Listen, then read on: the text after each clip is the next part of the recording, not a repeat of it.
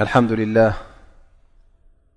حمدا كثيرا طيبا مباركا ملأ السماوات والأرض الحمد لله وحده والصلاة والسلام على من لا نبي بعده وعلى له وصحبه الطيبين الطاهرين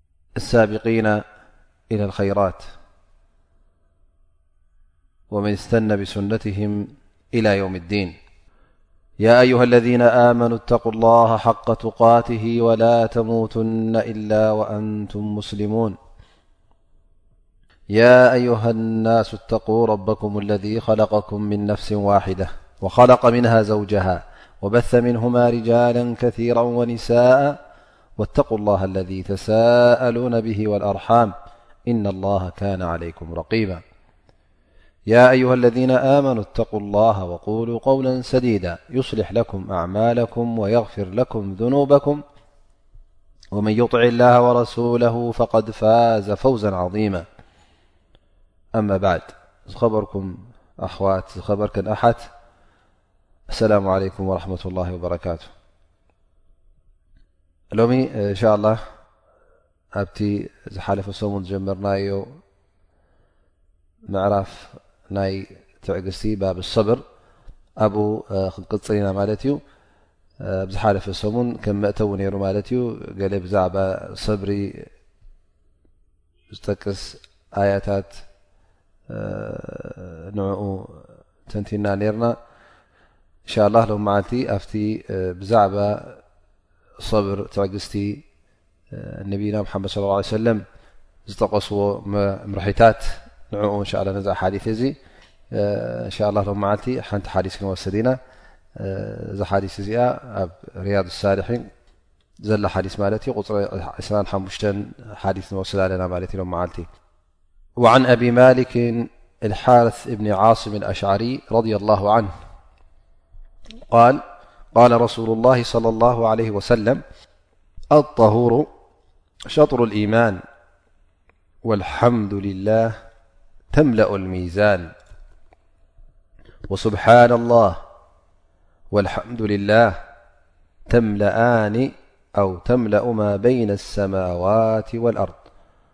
والصلاة نور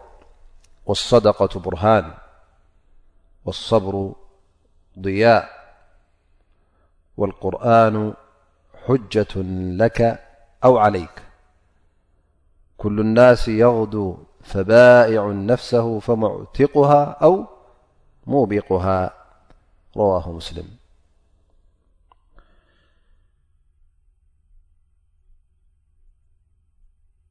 እዚ ሓዲስ እዚ ነቢ صለ ላه ለ ወሰለም ተዛረብዎ ሓዲ እዩ ብሕፅር ዝበለ መጀመርያ ትርጉሙ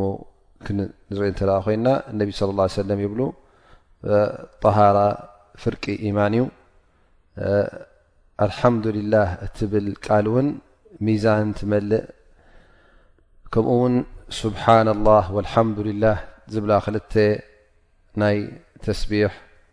ናይ ዚክር ቃላት እውን ኣብ መንጎ ሰማይን መሬትን ዘሎ ኩሉ ይመልኣ ሰላት ብርሃን እያ ሰደቃ እውን መርትዖ እያ ትዕግስቲ እውን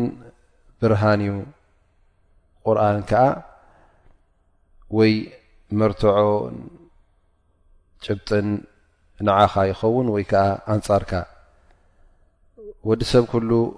ይብገስ ይጓዓዝ ገሊኡ ንነፍሱ ሸይጡ ናብ ኣላ ስብሓን ወተላ ናብ ር ሸይጥዋ ማለት እዩ ንነፍሱ ካብ መቕፃዕቲ ኣላ ስብሓን ወተላ ነፃ የውፅኣ ወይ እውን ገሊኡ ድማ ነዛ ነፍሱ እዚኣ ንሸይጣን ንክፍኣት ሸይጥዋ ነፍሱ ከዓ የጥፍእ ኢሎም እነቢ صለ ላه ለ ወሰለም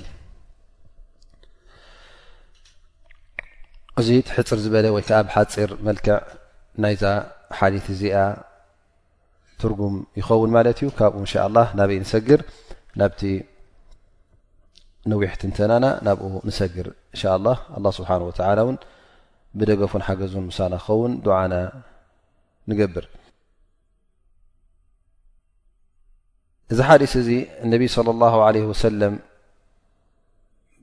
ብዙሕ ነገራት ጠቂሶምሉ ማለት እዩ እዚ ዝጠቀስዎ ድማ ክሳዕ ክንደይ ብልፀት ከም ዘለዎ እዚ ተግባር እዚ ናይ ብጉልቦትካ ዝግበር ይኹን ወይ ከዓ ብመልሓስካ ዝግበር ይኹን ወይ እውን ብልብኻ ክእለትካ ትገብሮ ይኹን እዚ ኩሉ እነቢ ስለ ላ ለ ወሰለም ክሳዕ ክንደይ ብልፀት ከም ዘለዎ ንጎይታ ንኣላ ስብሓን ወተላ ክኸውን ከሎ እነቢ ስለ ላ ለ ወሰለም ኣብዚ ሓዲስ እዚ ሓቢሮምና ማለት እዩ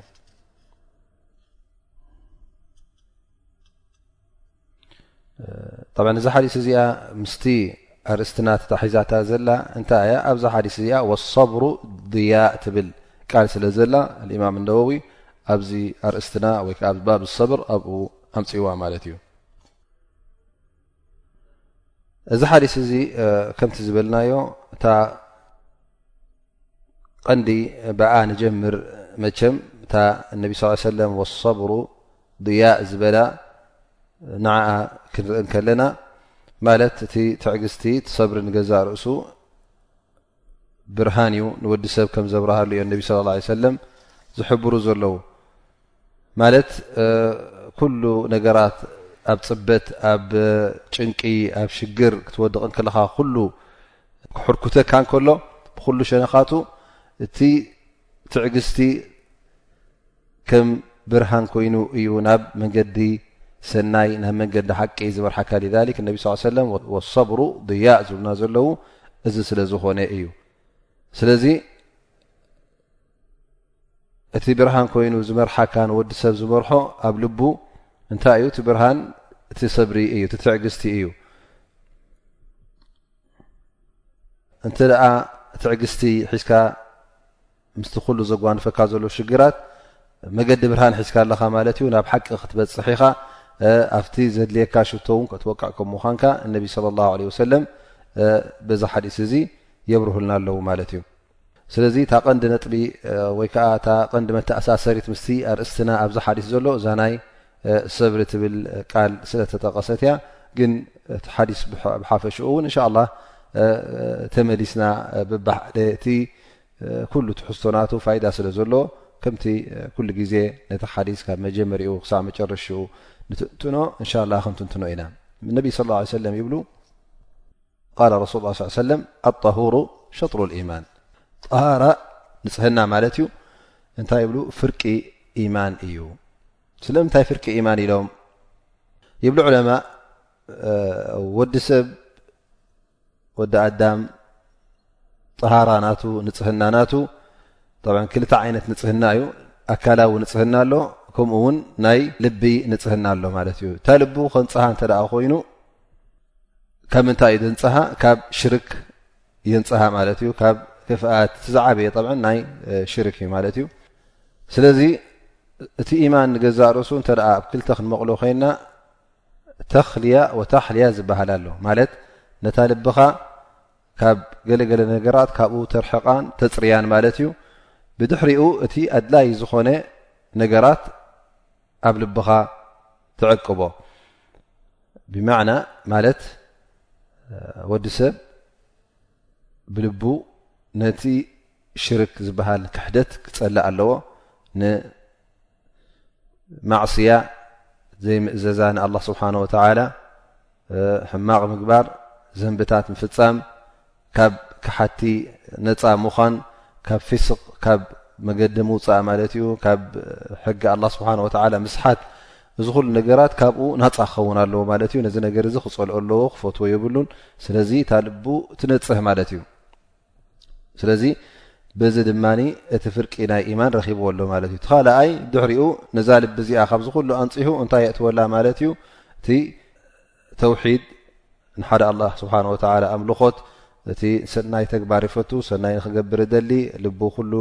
ኣላ ስብሓን ወተላ ዝፈትዎን ዝደልዮን ከምዚ ዓስላ ይገብር ማለት እዩ ነዛ ልቡ ኣፅርኡ ኣንፅሁ እቲ ኣድላይ ዝኾነ ነገር ይመልኣ ማለት እዩ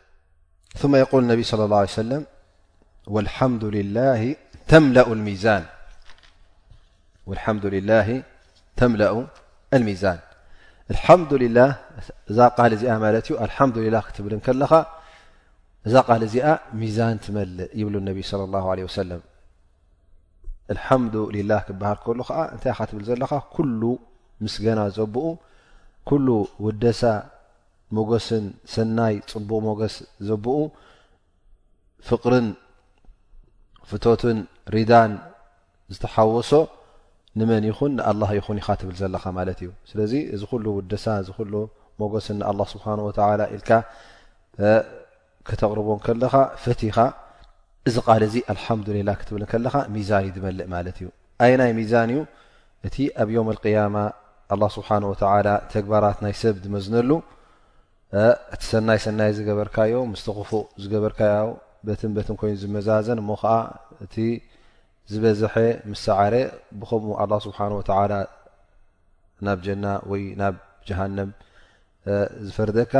እቲ መፍረዲኻ ማለት እዩ ብዮም ኣልቅያማ ሰናይ ተግባርካን ሕማቕ ተግባርካን ዝምዘነሉ ነቢይ ስለ ላ ለ ወሰለም ኣብዚ ሕጂ እዛ ቃል እዚኣ ሚዛን እያ ትመልእ ኢሎም ማለት እዩ ምክንያቱ ኣዝዩ እምብዛ ገዚፍ ኣጅርን ሰዋብን ስለ ዘለዋ ኣላ ስብሓን ወተዓላ እቲ ሚዛን ክንዲምንታይ ከም ምዃኑ ኳ ንሕና ኣብ ግመትና ከነእትዎ ኣይንኽኣል ላኪን እነቢ ስለ ላ ሰለም እዛ ምስጋና እዚኣ ንጎይታ ኢልካ ብንፅህና እትብላ ምስጋና ነዚ ሚዛን እዚ ትመልኦ እያ ይብሉና ኣለዉ ማለት እዩ ስለዚ እዛ ቃል እዚኣ ተገዲስና ክንብላ ከለና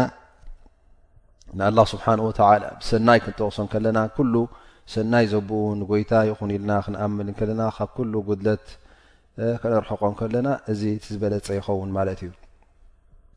ኩሉ ምስጋና ኣልሓምዱልላ ኩሉ ምስጋና ዘብኡ ንመን ንጎይታ ንሓደ ኣላ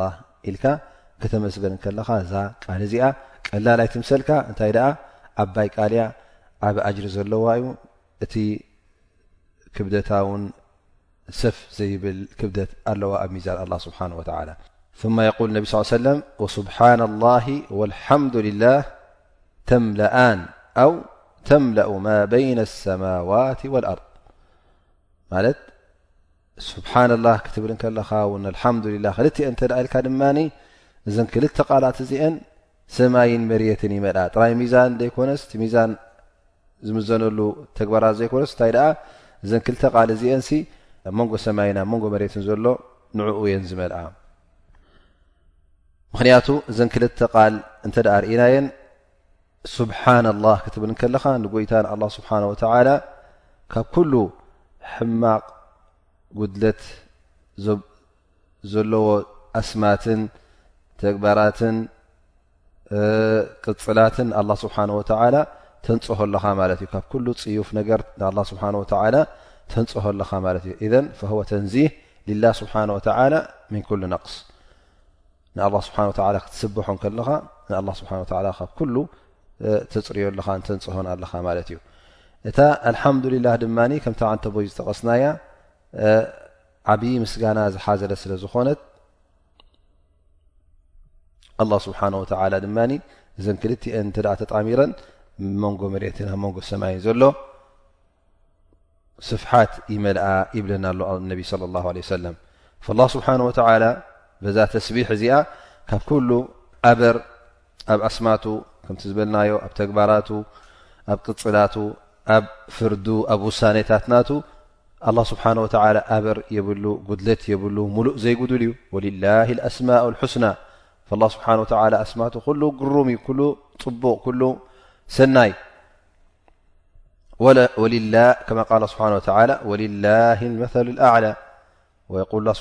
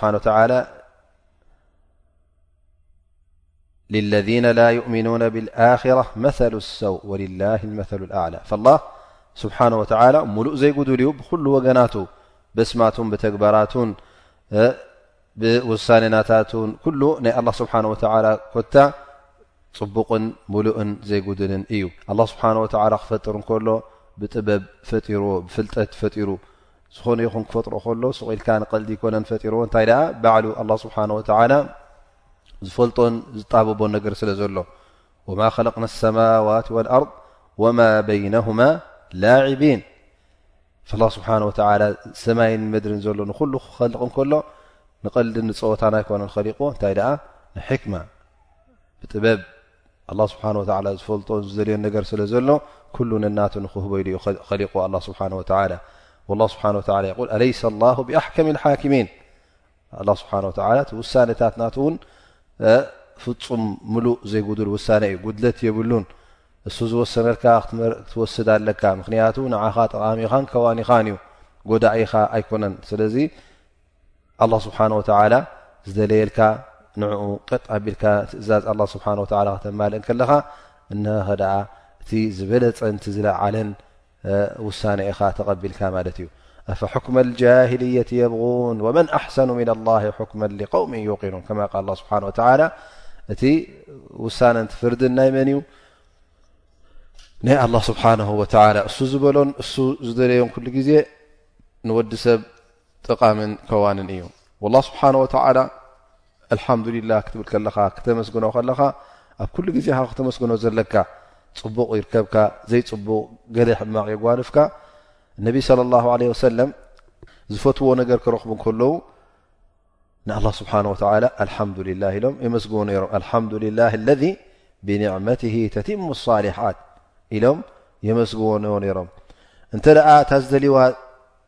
ዘይረኸቡ ከ እንተ ገለ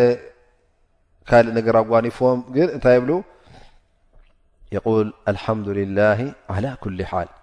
ኣላ ስብሓን ወተላ ኣብ ኩሉ ኩነታትና ነመስግኖ ኢሎም የመስግኑ ነይሮም ማለት እዩ ስለዚ ወዲ ሰብ ንኣላ ስብሓን ወተላ ብዘውረደሉ ኒዕማን ሽሻይን ሂቡካ ኣልሓምዱሊላህ ኢልካ ኣልሓምዱሊላህ ለዚ ብኒዕመትሂ ተቲሙ ሳሊሓት ትብል እንተ ደኣ ገለ ሕፅረት ተረኺቡ ሽግራት ገለ ኣጓኒፉካ ድማ ንኣላ ስብሓን ወተላ እውን ተመስግኖ ኣልሓምዱላ ዓላ ኩሉ ሓል ትብል ምክንያቱ እዚ ኣላ ስብሓን ወተላ መሪፁልካ ዘሎ ናብራ ምናልባሽ እስኻ ጉድኣት ሕማቕ ጌርካ ይሰማዕ ዝሰማዕካ ደኣ እምበር ኣላ ስብሓን ወተላ ንዓኻ ከይር ዘልልካ ክኸውን ይኽእል እዩ ስለዚ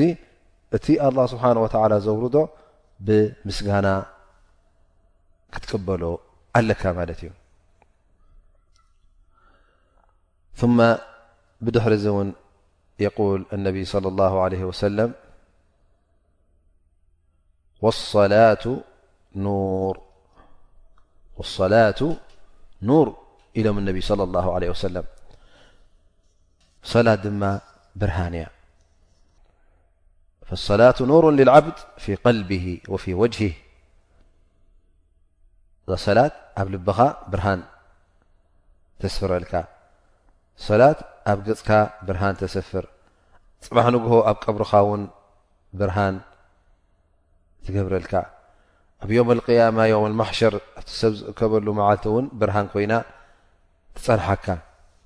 ስለዚ ሰላት ነቢ صለ ላه ለ ወሰለም ኣብዚ ሓዲስ እዚ ብርሃን እያ ኢሎምና ማለት እዩ በዓል ሰላት ድማ ኩሉ ግዜ ገፁ ብርሃን ሰፊርዎ ኢኻ ትርኢ ማለት እዩ ስለምንታይ ነዛ ሰላት እዚኣ ለይትን መዓልትን ውዱእ ገይሩ ብፍርሃት ብክሹዕ ስለ ዝሰግዳ እቲ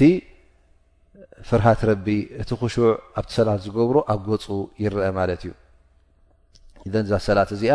ኩሉ ግዜ እንታይ ትኸውን ማለት እዩ ብርሃን ትኸውን ማለት እዩ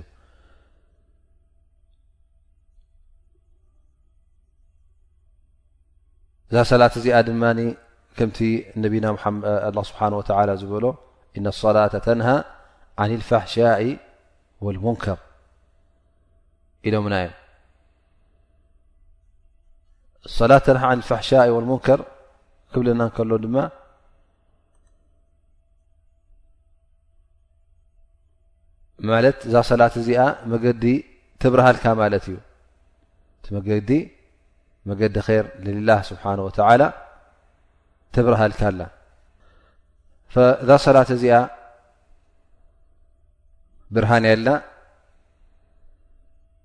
መገዲ ኣላ ስብሓን ወተላ እውን ንክትቅፅል መገዲ ኣላ ስብሓን ወተላ ተብርሃልካ ብርሃን ናይ ልቢ ጥራይ ዘይኮነስ ብርሃን ናይ ገፅ ጥራይ ዘይኮነ ብርሃን እውን ናይ መገዲ ማለት እዩ ተብርሃልካ እያ ስለዚ ነቢ ስለ ላሁ ለ ወሰለም ወሰላቱ ኑር ኢሎምና ማለት እዩ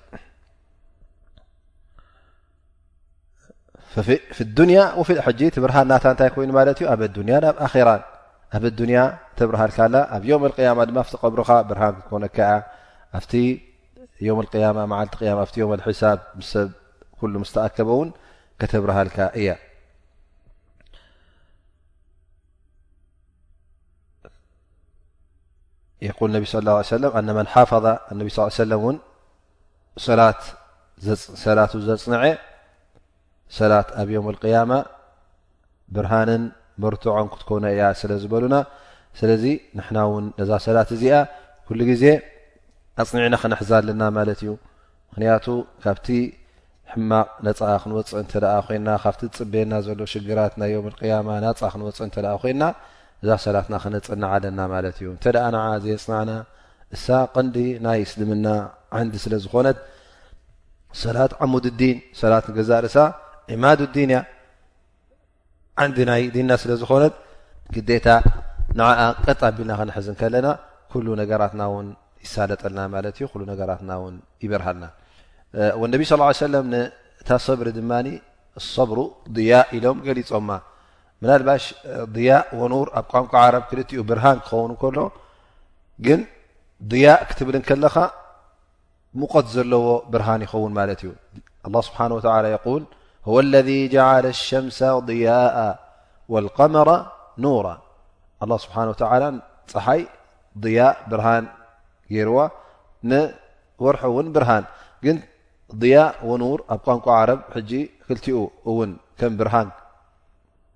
ትርጉም ድኣ እምበር ዕለማ እብሉ ድያእ ኩሉ ግዜ ብርሃን ሙቐት ዘለዎ ብርሃን እዩ ከምዚ ናይ ፀሓይ ማለት እዩ ሕጂ ተብርሃልካ ኣብ ርእሲኡ ሙቐት ኣለዋ ወርሒ ግን ብርሃን ጥራይ ዘለዋ እምበር ሙቐት የብላን ተብርሃልካ ጥራይ እምበር ሙቐት የብላን ስለዚ ሰብሪ እነቢ ስለ ለ ሰለም ክገልፅዎ ከለዉ ድያ ኢሎምና ማለት እዩ ስለምንታይ ይብሉ ምክንያቱ ልክዕ እቲ ሰብሪ ብርሃንን ሙቐትን ከም ዘለዎ ገይሮም እዮም ዝርእና ዘለዉ ኣይናይ እቲ ሙቐት ናቱ ምክንያቱ ትዕግስቲ ሰብሪ ድኻም ስለ ዘለዎ ሽግር ስለ ዘጓንፈካ ሰብሪ ንክትገብር ብዙሕ ሓይሊ ዓብ ፅንዓት ስለ ዘድልየካ እቲ ኣጅሪ ናቱ ድማ ኣላ ስብሓን ወተላ ዓብ ገይርዎ ስለዚ እንታይ ይኸውን ማለት እዩ ሰብሪ እቲ ብርሃን ናቱ ካብ ምንታይ እዩ መፅኡ ማለት ሓይሊ ዘለዎ ብርሃን ፀቕጢ ዘለዎ ብርሃን ይኸውን ማለት እዩ ስለዚ መስሑብ ብሓራራ እቲ ድያ ናይ ሰብሪ ድያ ኢሎም እነቢ ስ ሰለም ዝገልፅዎ ዘለዉ ሙቆትን ረስንን ዘለዎ ማለት እዩ ምክንያቱ ሰብሪ ክትገብር እንተ ኮይንካ ቀሊል ኣይኮነን ናይ ልብን ናይ ኣካልን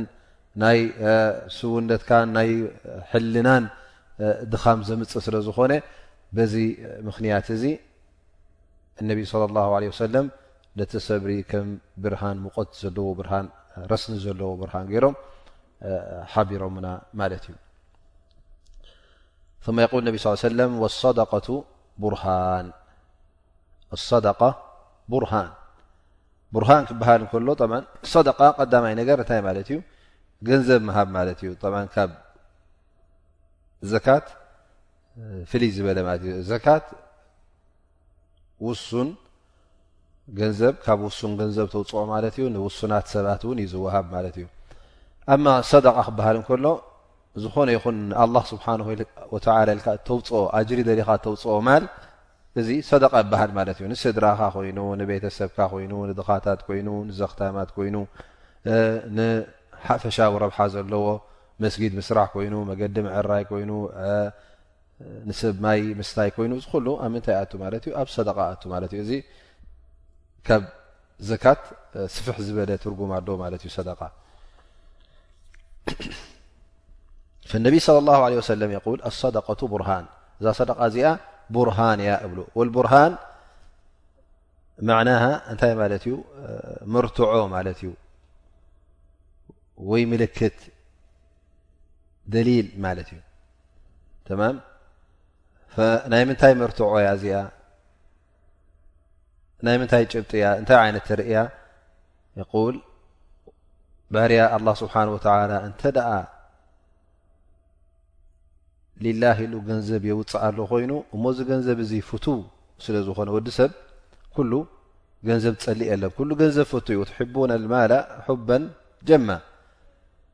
ስለዚ ነፍሲ ወዲ ሰብ ኩሉ ግዜ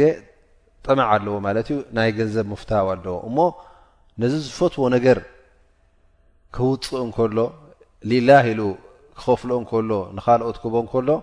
እንታይ ማለት እዩ ካብ ገንዘብ ንላዕሊ ዝፈትዎ ኣለዎ ማለት እዩ ንካብ ገንዘብ ንላዕሊ ዝፈትዎ ነገር ንምርካብ ተኣጅሪ ኮይኑ ፍትት ኣላ ስብሓን ወተላ ሪዳ ናይ ኣላ ስብሓን ወተላ ንምርካብ ነዚ ገንዘብ እዚ ነቲ ዝፈትዎ ገንዘብ ጫሕ ኣቢሉ ከውፅኦ ከሎ ሕጂ እንታይ ይርኢ ኣሎ ማለት እዩ እዚ ምልክት ናይ ምንታይ መርትዖ ናይ ምንታይ ናይ ኢማኑ ማለት እቲ ኣብ ልቡ ዘሎ ተሰቂሩ ዘሎ ኢማን ክሳዕ ክንደይ ሓያል ከም ምዃኑ ዘብርሃልናን ዘርእየናን ማለት እዩ ሊክ ነቢ ስ ሰለም ቡርሃን ከም መብርሂ ማለት እዩ ንሓደ ነገር መብርሂ ትርእየሉ ኣለኻ ማለት እዩ ኢማንካ ናይዚ ኢማን እዚ መብርህን ናይዚ ኢማን እዚ መስረጂ እንታይ እዩ እቲ ሱቕ ኢልካ ቅጭጭ ከይበለካ ከሎ እቲ ገንዘብ ኣውፅ ኣውፅ ክተብሉ ከለኻ ኣላ ስብሓን ወተላ ንክፈትወልካ ስለዚ እነቢ ስ ሰለም ነዛ ሰደቃ እዚኣ ቡርሃን እያ ኢሎም ገሊፆማ ማለት እዩ ስለዚ እቲ በዓል ኢማን ዩ ኩሉ ግዜ እውን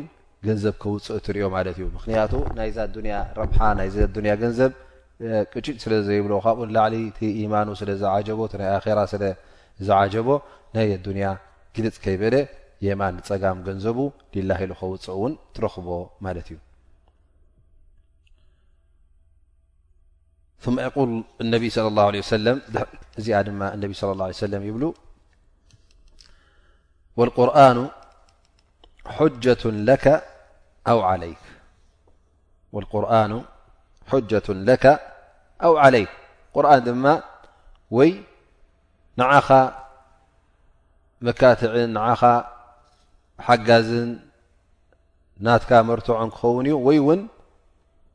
ኣንጻርካ ክኸውን እዩ ምክንያቱ ቁርን እቲ ኣላ ስብሓን ወተላ ዘውረዶ ቃል ኣላ ስብሓን ወተላ ስለ ዝኾነ እሞ ከዓ እዚ ቃል እዚ ወዲ ሰብ ናብኡ ተመርኪሱ ሙሉእ ህወቱ ክጓዓዝ ኣላ ስብሓን ወተላ ስለ ዝኣዘዞ እሞ ነዚ ቁርን እዚ ከምቲ ግቡእ ኣንቢብካ ከምቲ ግቡእ ኣጽኒዕካ ከምቲ ጉቡእ እውን ነቲ ዝእዝዘካ ዘሎ ትእዛዛት ተማእዚዝካ በቲ ኣብኡ ዘሎ ኩሉ ዓቢ ንእሽተይ ኣሚንካ ቀጥ ኣቢልካ ሒዝካዮ ክትከይድ ከለኻ ብክብርን ብልኡልነትን ነዚ ቁርን እዚ ኣብ ርእስኻ ኣልዒልካዮ ክትከይድ ከለኻ እዚ ቁርን እዚ ሕጂ ጽባሕ ንግሆ ምሳኻ ኸውን ማለት እዩ እካ ተዓልካ ሑጃ ይኾነካ ማለት ከም መርትዖ ኮይኑ ይቐርብ ማለት እዩ ኣብ ዮም ቅያማ ይጠቕመካ እንተ ኣንጻሩ ኮንካ ግን ብቁርን ዘይትግደስ ንቁርን ግልፅ ዘይትብል ኣብ ንባቡ ይኹን ዘይተንብብ ትርጉሙ እንታይ ከም ምዃኑ ዘይትፈልጥ እንታይ ትሕዝትኡ ዘይተ ንብብ ዘይተርዳእ እንተ ኮንካ ከምኡ ውን በቲ ማዳም ኣይትርድኡን ኮንካ እቲ ዝእዘካ ዘሎ እውን ኣይከተተግብርን ኢኻ ማለት እዩ ስለዚ እቲ ትእዛዛቱ ዘይተክብር እንተ ኮንካ ፅባሕ ንግሆ ኣብ መዓልቲ ቅያማ እውን ኣንፃርካ ክምስክር ማለት እዩ ዝቁርን እዚ ኣንፃርካ ውን ደው ክብል እዩ ስለዚ ጀት ለካ ኣው ዓለይክ ቁር ሕጂ ወይ ምሳኻ እዩ ወይ ኣንፃርካ እዩ ዝብለካ ዘሎ ነቢ ለ ላ ለ ወሰለም ኣብዚ ሓዲስ እዚ እውን እነቢ ስለ ላሁ ለ ሰለም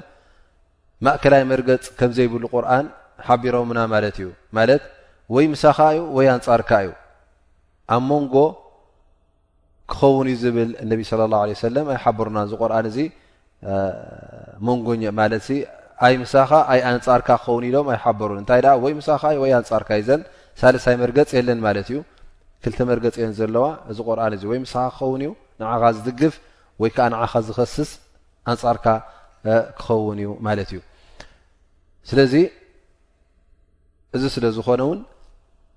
ግዴታ ነዚ ቁርን እዚ ክተንብብ ኣለካ ግዴታ ንቁርን ከተፅንዕ ኣለካ ግዴታ ትእዛዝ ኣላ ስብሓን ወተላ ቁርን ሰፊሩ ዘሎ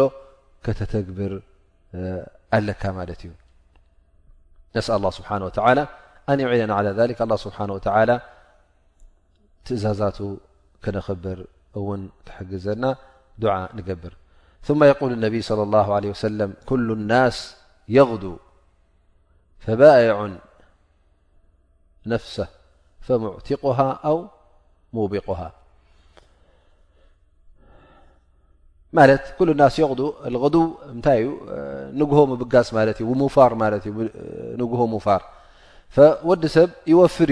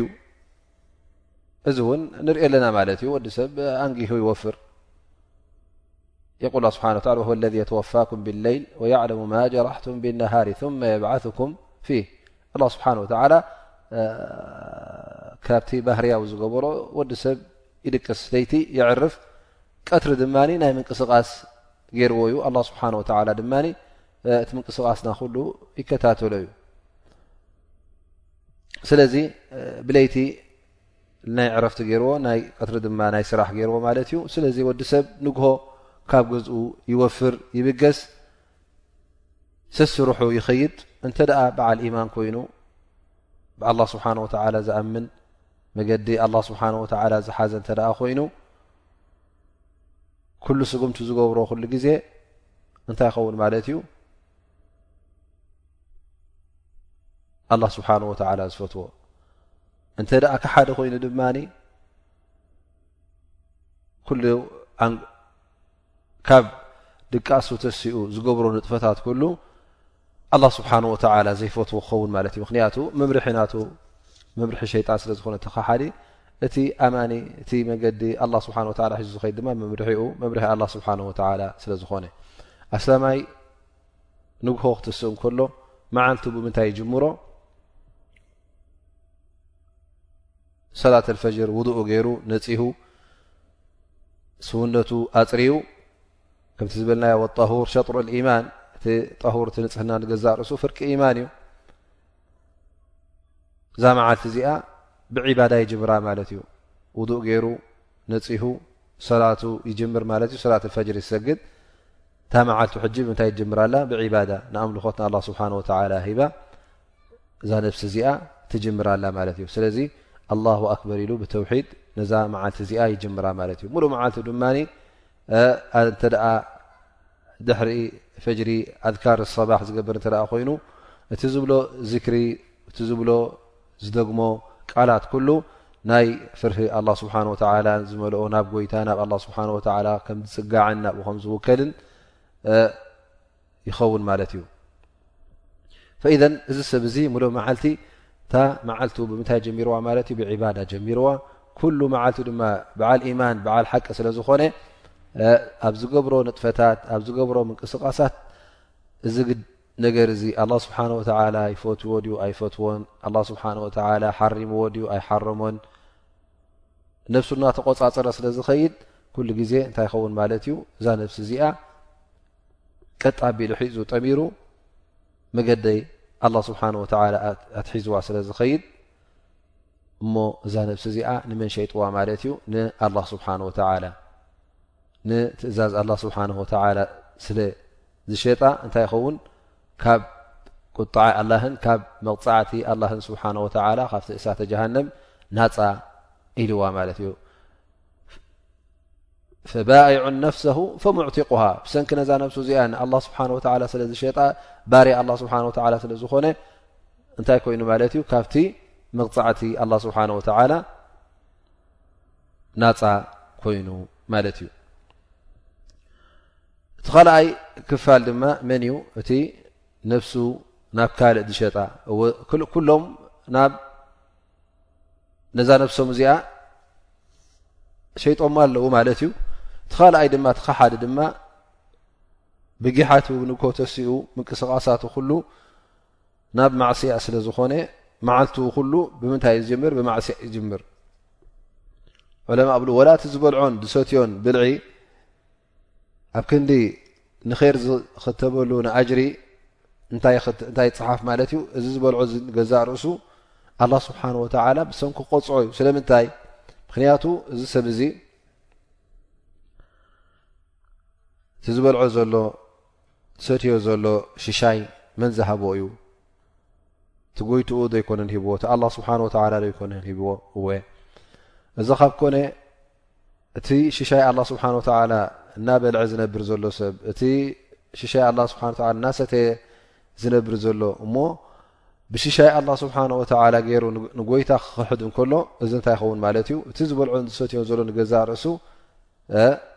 እንታይ ይኸውን ኣሎ ማለት እዩ ዘንቢ ይኽተበሉ ኣሎ ማለት እዩ ምክንያቱ ንኣላ ስብሓን ወተላ ብሽሻዩ ስለ ሽሻይ እናተጠቐመ ስለ ዝኸሓዶ ማለት እዩ ስለዚ እዚ ክሓዲ እዚ ዝገብሮ ዘሎ ተግባር ኩሉ ካብ ሕጊ ኣላ ስብሓን ወተላ ወፃኢ ስለ ዝኾነ ኣላ ስብሓን ወተላ ዘይፈትዎ ቀይደበተኽ ስለ ዝኾነ ኣ ስብሓ ወላ ዘይፈትዎን ዘይረድዮን ተግባራት ክገብር ስለ ዝወዓለ ሙሉእ መዓልቲ እዛ ነብሲ እዚኣ ንመን እዩ ሸይጥዋ ዘሎ ማለት እዩ ንሸይጣን ንድያብሎስ ሸይጥዋ ማለት እዩ ምክንያቱ ካብ ቀይዲ ኣላ ስብሓን ወተላ ወፅኡ ብቀይዲ ናይ ሸይጣን ተቀይዱ ስለ ዝኸይድ ዘሎ እዚ ሰብ እዚ ነዛ ነብሱ እዚኣ ንመን ሸይጥዋ ኣሎ ማለት እዩ ንዊንታኡን ንሸይጣንን ስለ ዝሸጣ ኣብ መጨረሻ እዛ ነብሲ እዚኣ ይህልቃ ኣሎ ማለት እዩ ምክንያቱ ኣላ ስብሓን ወተላ ክቐፅዖ ስለ ዝኾነ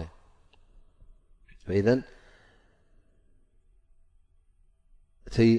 ሙእምን እቲ ፈራህ ረብን እቲ ኣስላማይን ተኸሓድን ኩሎም ሓደ ኣይኮኑን እቲ ንመን እዩ ኣምሊኹ ዘሎ ንጎይታ ንኣላ ስብሓን ወተላ ብሰንኪ ከዓ ነብሱ ናፃ ኣውፅኡ ማለት እዩ እቲ ድማ ካብ ኣምልኾት ኣላ ስብሓን ወተላ ርሒቑ ንካልእ ከምልኽ ስለተረኸበ ክሒዱ ስለተረኸበ እውን እዚ ሰብ እዚ እንታይ ይኸውን ማለት እዩ ኣብ ጥፍኣት ኣሎ ማለት እዩ ስለዚ እቲ ከሓዲ ብጊሓቱ ጀሚሩ ምሉእ መዓልቲ ነዛ ነብሱ እዚኣ እናጥፈኤ ዝኸይድ ዘሎ ማለት እዩ ኩሉ ንጥፈታቱ ንኣላ ስብሓን ወተላ ዘይርድን ዘየፍቱን ስለ ዝኾነ ወላ እውን ፅቡቕ ገብር ኣለኹ ኢሉ ፅቡቕ ይግበር ድኣ እምበር እቲ ዝገብሮ ዘሎ ፅቡቕ ነገር ኣብ ሓቂ ስለ ዘይተመርኮሰ ማለት ኣብ ፅኑዕ መርገፅ ኣብ ናይ ተውሒድ ኣብ ናይ እምነት ኣብ ናይ ኣላ ስብሓን ወተላ ምእማን ናይ ኣላ ስብሓን ወተላ ምእማን ኣብኡ ስለ ዘይተመርኮሰ ወላ እውን ሰናይ ዝገብሮ ኩሉ ግዜ ጠቓሚ ኣይኮነን ኣይክጠቕሙን እዩ እውን እንታይ ደኣ ንዕኡ ጥፍኣት እዩ ዝቁፅር ማለት እዩ ላ ስብሓን ወተላ ኣብዚ ሓዲስ እዚ ኣብ መጨረሻ እታ ነገር ኣብ ክልተ መቒልዋ ማለት እዩ እቲ ቁርን የኩን ሑጀቱ ለካ ኣው ዓለይክ ማለት ቁርን ወይ ምሳኻ ወይ ኣንፃርካ ከምኡ ውን ደቂ ሰብ ክልተ ዓይነት እዮም ኣለው ሰባት ነፍሶም ካብ ቁጣዓ ኣላ ስብሓን ወተዓላ ናፃ ዘውፅኡ ኣለው ከዓ ካልኦት ነብሶም ዘህለቁን ዘጥፍኡን ኢሉ ማለት እዩ እዘን ክልተ ወገን እዩ ወይ በዓል ኢማም ኮንካ ፈራህ ረቢ ኮንካ ቀጥ ኢልካ መገዲ ሓቂ ሒዝካ ክትከይዲ ኢኻ ወይ ሙእሚን ኣስላማይ ክትከውን ኢኻ ወይ እውን እንተ ደኣ መገዲ ኣላ ስብሓን ወተላ ሒዝካ ዘይትኸይድ ኮንካ ብኣላ ስብሓን ወተላ ዘይኣመንካ እተ ኮይንካ ክሓዲ እተ ኮይንካ ምስቶም ካሓቲ ክትፅንበር ኢኻ ማለት እዩ ስለዚ ክልተ መገዲ እየን ዘለዋ ወይ መገዲ እምነት ወይ መገዲ ክሕደት እቲ በዓል እምነት ቅኑዕ መገዲ ሒዙ ከይዳ ኣሎ ነፍሱ ናፃ የውፅእ ኣሎ እቲ በዓል መገዲ ክሕደት ድማ ነፍሱ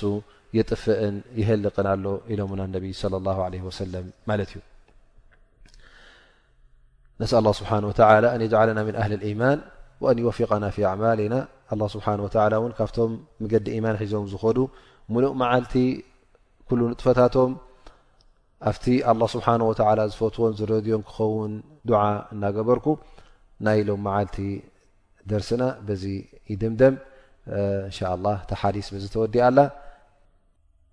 و صلى الله على نبينا محمد و على آله وصحبه وسلم وبارك الله فيكم